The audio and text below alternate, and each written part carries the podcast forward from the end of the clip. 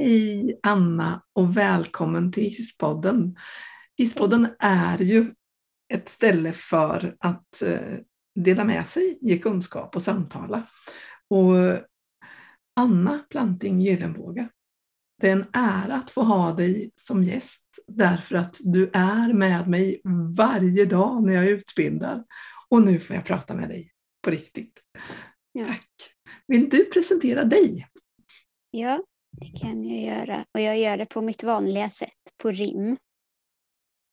Eh, mitt namn är Anna PG. Låt mig berätta vem jag är. Jag leker med orden. Jag kallas för ordkonstnär. Jag skriver och pratar med vanliga och rimmade ord. Mitt mål här i livet är att bli hörd på denna jord.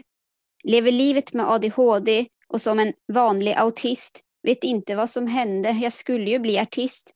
Men jag har massa energi och en hög med kreativitet som jag använder när jag berättar min livserfarenhet. Så det är jag. Fantastiskt. Och jag har ju haft förmånen att eh, se dig på scen. Jag har haft förmånen att läsa dina böcker. Jag har haft förmånen att använda dina böcker i utbildningar. Eh, och också förmånen att få lyssna när du föreläser. Så att det är så mycket och det är så otroligt bra. Så att jag undrar om vi ska börja i artisteriet i alla fall med ja.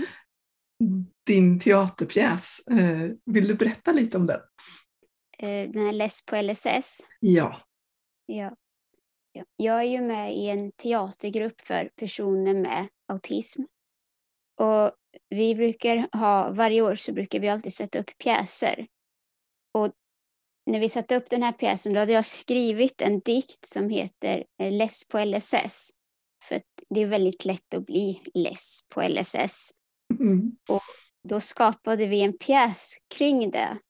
Eh, om hur det då funkar på en... Vi hade ju en LSS-mottagning kallade vi det. Där det fanns alla typer av yrkesgrupper. Och jag spelade chefen som väldigt ofta var jag hör vad du säger och jag är ledsen att du känner så. För det är oftast det man mm. får höra. I alla fall jag hör vad du säger. Vi ville visa, liksom, vi ville göra lite komik bland allt det tragiska mm. man ofta upplever inom LSS. Ja, och det som eh, besökare på mm, pjäsen och på premiären så tänker jag att eh, det var väldigt tydligt. För det, det var fantastiskt roligt och sen där inne så kan man ju känna smärtan. Eh, mm. att alltså så här kan det vara att bli bemött och inte ja. lyssnad på. Mm, mycket, vi började ju alltid med att liksom berätta våra olika erfarenheter som vi sen försökte få in i ett komiskt sammanhang. Mm. Jag tyckte den, alltså jag saknar att spela den pjäsen för att den kändes, den kändes så himla rolig. Den var så rolig och den öppnar ju också sinnet på den som tittar. Jag tänkte där skulle ju vara obligatoriskt för alla som ska jobba i LSS. Ja.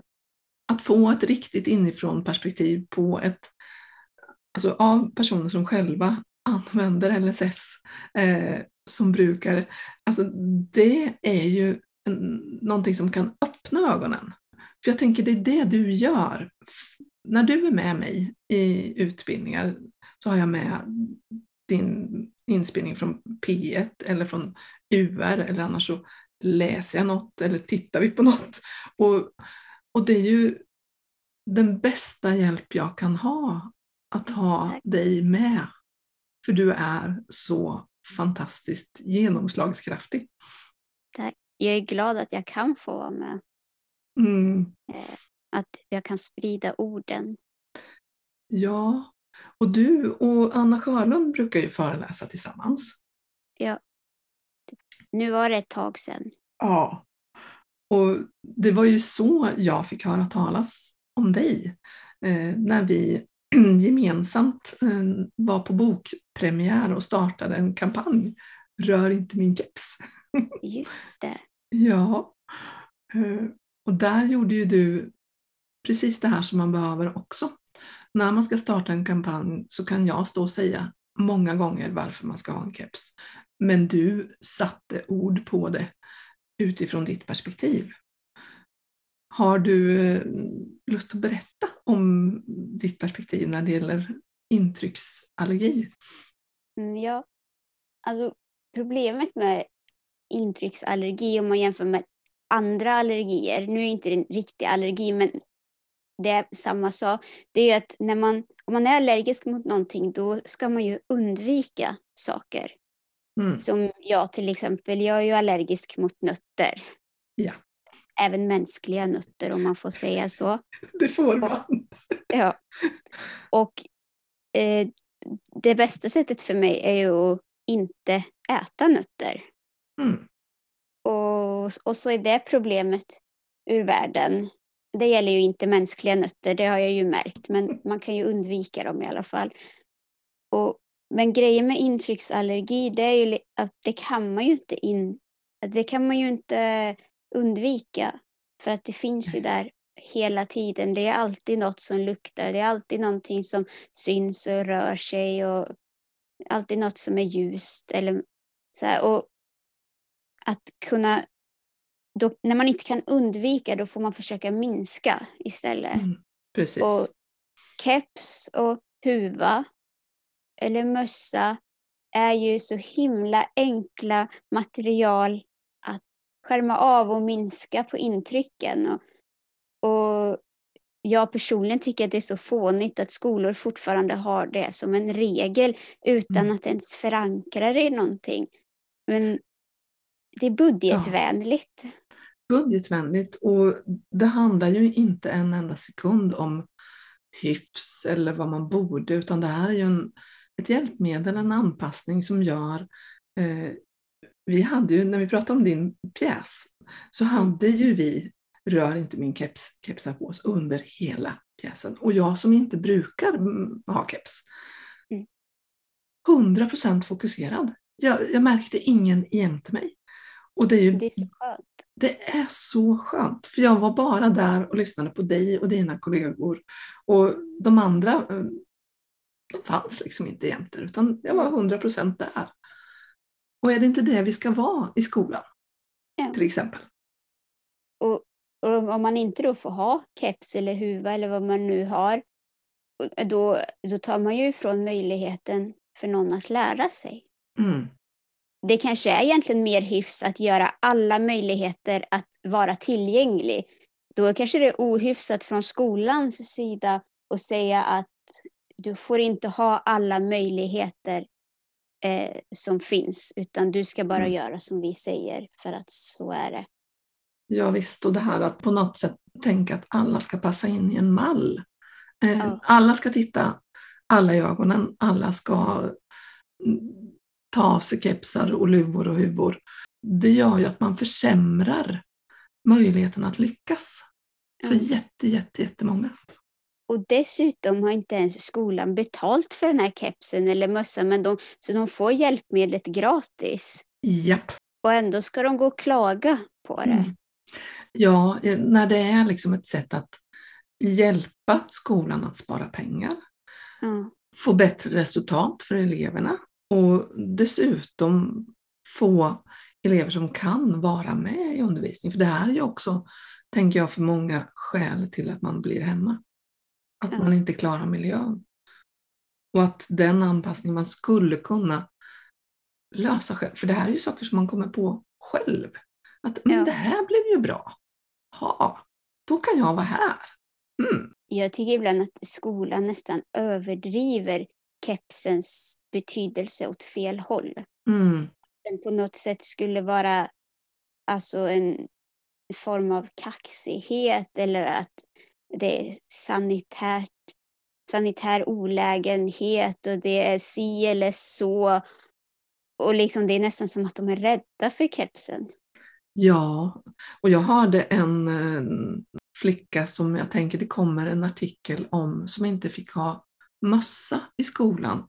Och det var på grund av det här med sanitär olägenhet att hon skulle kunna sprida löss. Om man inte har några löss så sprider man väl inga. Och det spelar väl ingen roll om man Alltså man delar ju inte mössan, det är ju mitt hjälpmedel. Jag brukar inte Ja. dela mina glasögon med någon utan de är mina faktiskt. Och där tänker jag att dina ord är ju så otroligt mycket till, till hjälp och dina dikter. För det, det är ju det som avgör att någon förstår. Att man förstår att det här handlar inte om att eh, du vill vara obstinat eller kaxig, utan det handlar om att du vill lyckas vara på en plats som du inte kan vara på utan anpassning. Jag vill, jag vill göra mig så tillgänglig som möjligt. Yes, och den dagen man förstår det, tänker jag. Men, för jag har också hört den här kommentaren och det, det, då förstår man ju inte att alla människor behöver ibland ett extra skal, ett extra skydd.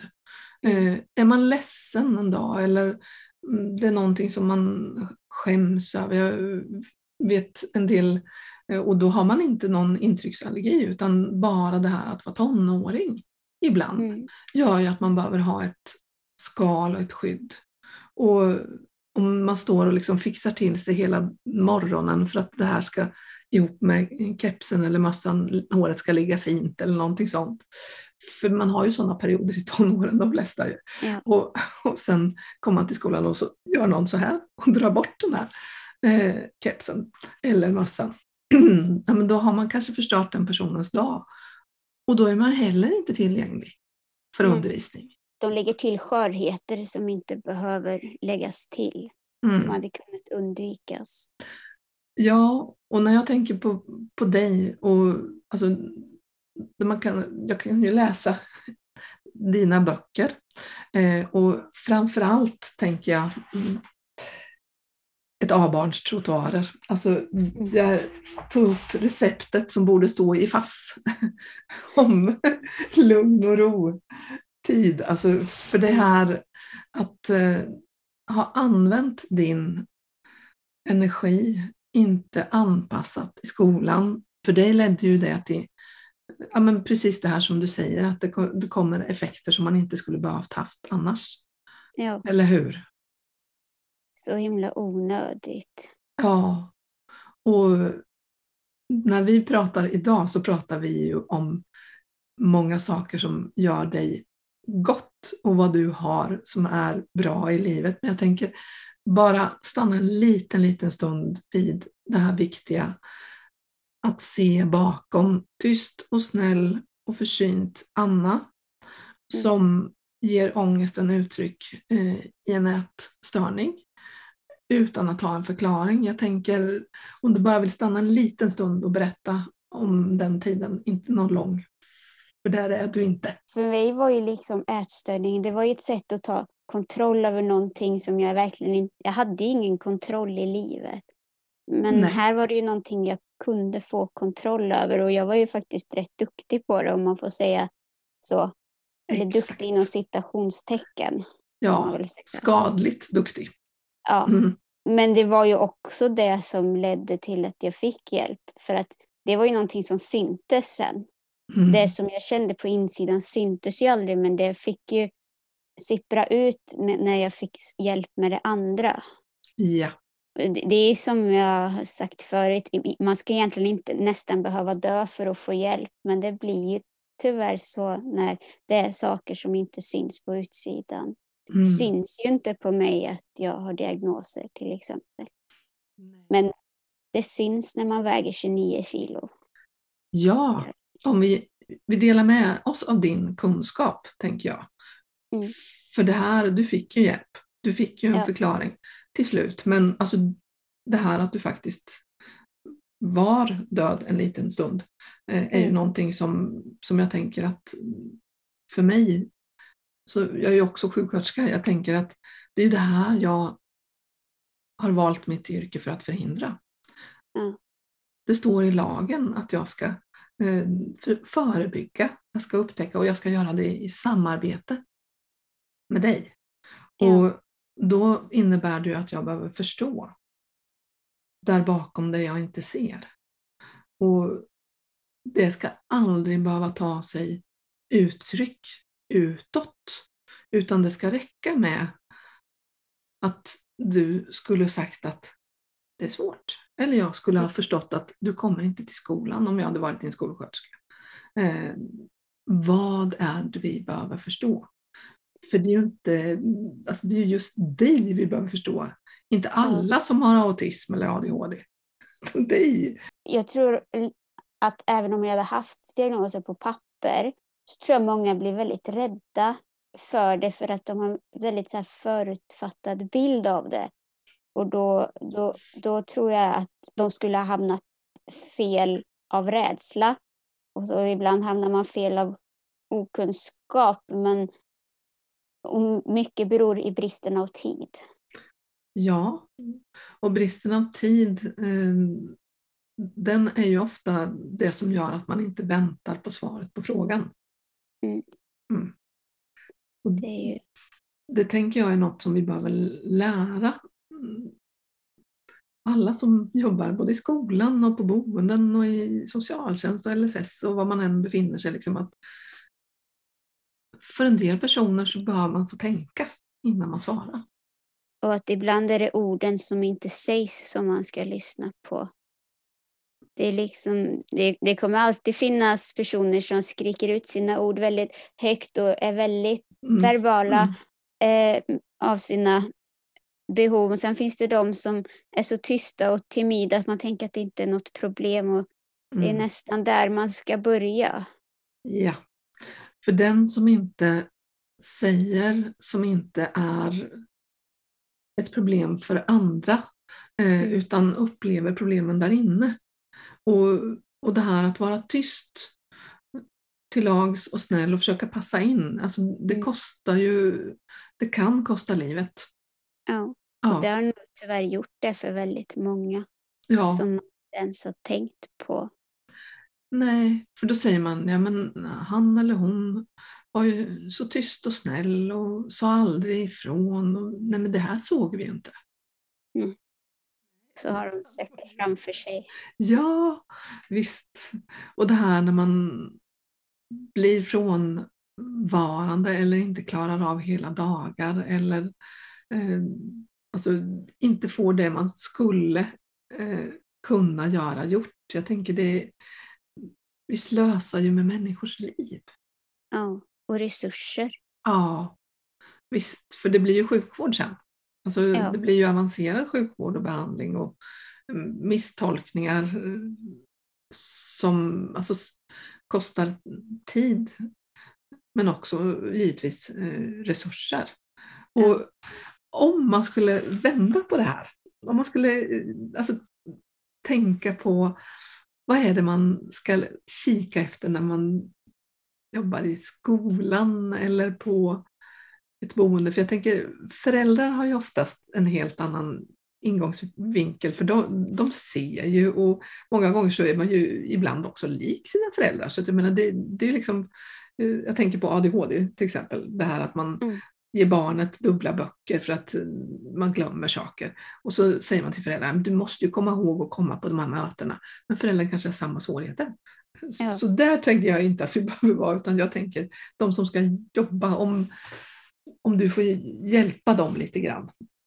Jag, jag tänker att de som är mest fogliga kanske också är de som är mest kuvade för sina egna resurser.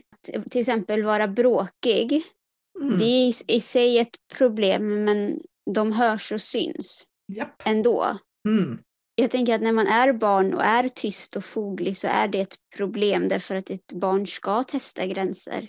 Ja. Tänker jag. Och ett mm. barn som inte testar gränser saknar resurser, egna mm. resurser för att göra det. Och, alltså även tysta och fogliga kan testa gränser, och det är som, men det är de som aldrig gör det.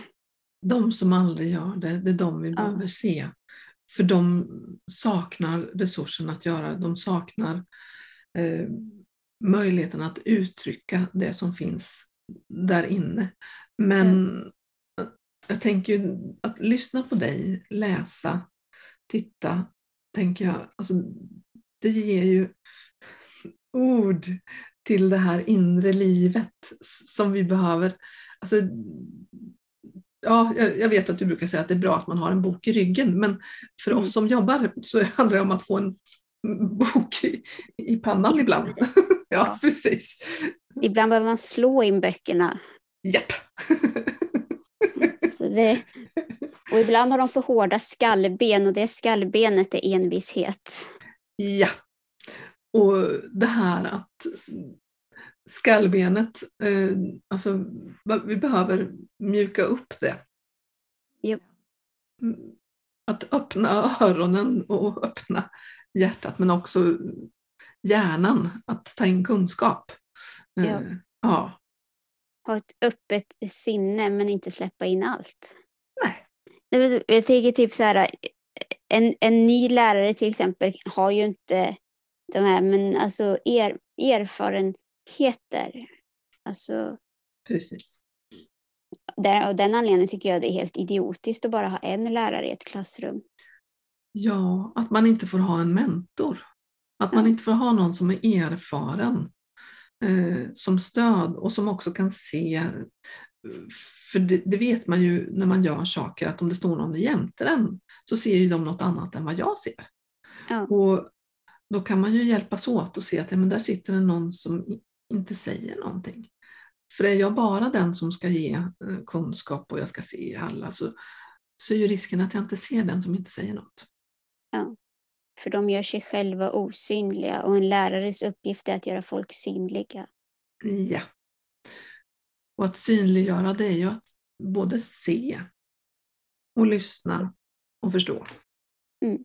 Mm. Och om man inte förstår att då har man eh, då ska det finnas ett sånt, ett sånt stöd i resten av verksamheten att, att det ska finnas andra som kan möjliggöra att eleverna blir synliga. Precis. För, för det är också, ofta tänker jag på det när jag eh, utbildar eller när jag handleder eller var jag än befinner mig i jobb någonstans. Att, alltså, det är helt omöjligt att kunna allting. Och det Ja. finns andra som kan saker mycket bättre än jag. Och att vi måste, jag brukar sällan använda ordet måste, men släppa prestige. Alltså, Ja. Att möta fantastiska människor som dig och jag tänker som Anna Sjölund som ger mig så mycket kunskap som jag kan ta med mig, gå in i en klass och undervisa. Och då är det ju er kunskap jag lånar. Jag lånar den. Men jag förvaltar den. Jag tar den inte utan jag lånar den och förvaltar den. Men det är fortfarande lånad kunskap. Och det behöver man ju vara äkta i att säga att det här är inte jag som har kommit på. Det här är Anna PG. Det här är Anna Sjölund som har skrivit den här boken och hon berättar så här. Till exempel om arbetsminne och, och små koppar. Mm. Och den, den som säger sig veta allt, de ska man vara rädda för. Ja, nyfikenhet, men inte nyfiken på, på ett elakt sätt utan nyfiken för att vilja förstå. Mm. Mm, Att ta ett öppet sinne. ja, visst. Och jag tänker att eh, vi är på väg att avsluta det här samtalet. Jag hoppas att eh, när det är slut på denna pandemi, att vi ska kunna stå på en scen tillsammans.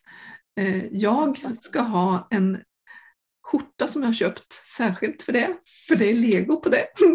Och Ja. vad är det som är bra med lego? Om du får berätta det. Allt är bra med lego. Ja. Det finns inget dåligt med lego. Det är möjligtvis om man trampar på det. Men Mm. då är det mer synd om legobiten än om mig. För de Exakt. kan gå sönder. Ja, Vad heter det? Hål på fötterna läker, trasiga legobitar gör det inte. nej, Och dessutom så ska det vara ihopbyggt och då ser man det. mm. Så det finns inget dåligt med lego. nej. Och det här att hitta saker som gör att man mår bra. Ja. Och lego är ju en sån sak. Det är oändliga möjligheter av små bitar. Ja! Som går att bygga ihop på så många sätt. Och det är lite som, det är lite som människorna i övrigt, att vi kan bygga ihop det på olika sätt men det är lika roligt ändå. och det, det är ju en sån här underbar beskrivning och det är ju det du, du äger ju ett så vackert språk och dina böcker innehåller ett så vackert språk och jag tänker i det som du och Anna har gjort tillsammans, Vardagsstöd 1 och 2, alltså där får man inte bara en instruktion om man utformar ett stöd, man får också dikter som öppnar alla hjärtan och hjärnor. För man mm. förstår att stödet till den som är innanför dörren, det är det vi ska lära oss, inte tekniken, för den är individuell för varje person. Och ja. att se vem är det jag knackar på hos? Och hur knackar jag på? Mm. Mm. Det är viktigt. De personerna är viktigare än vad de tror. Ja. Och att förstå att man är både ett verktyg men också en person. Inte bara personal. det tycker jag är så himla viktigt. För då bara, men vi är bara personal. Nej, ni är inte bara eh, personal. Ni är människor som kommer in i mitt hem och ska hjälpa mig. Mm. Eh, de ska inte degraderas till ett, enbart ett arbetsverktyg. Nej. Nej, för då tappar man ju möjligheten att vara lyssnande och empatisk om man, mm. om man bara skulle gå in och, och, och alltså, tänka att man skulle jobba på en industri och nu flyttar vi en sak dit och så gör vi så, så säger vi så här till Anna och sen så går vi hem. Jag menar, mm. det, är ju, det, det, är ju ingen som skulle tänka att oh, så kan man göra. Nej. Men ändå så händer det, eller hur? Att man glömmer bort att för att jag, om jag är personal, är stressad så behöver jag ha egna strategier för att ta hand om min stress så att jag inte delar med mig av den till dig. För då kan jag förstöra hela din dag. Mm. Mm. Och det är dumt när den personen man ska hjälpa redan har mindre resurser. Precis, då ska man inte knycka dem. Och där ska jag vara jätteärlig och säga att det är klart att jag har gjort det innan jag förstod. Jag har gjort det, men jag har också eh, lärt mig av det. Att eh, Ja. Och det är skillnaden, att mm. lära sig av det man kanske gjort fel. Det är värre om man hela tiden fortsätter i samma bana. Ja, alltså det är okej att göra misstag, men framför allt eh, att man inte gör dem flera gånger. Ja. men om vi skulle avsluta, skulle du vilja säga något särskilt till de som lyssnar? Eh, för dem att fundera vidare på? Jag, jag är i och för sig inte så duktig på växter, men varje växt har ju olika skötselråd. Är det då så himla konstigt att tänka att olika människor har olika skötselråd? Mm. Fantastisk avslutning. Tack snälla Anna för att du ville vara med. Tack själv.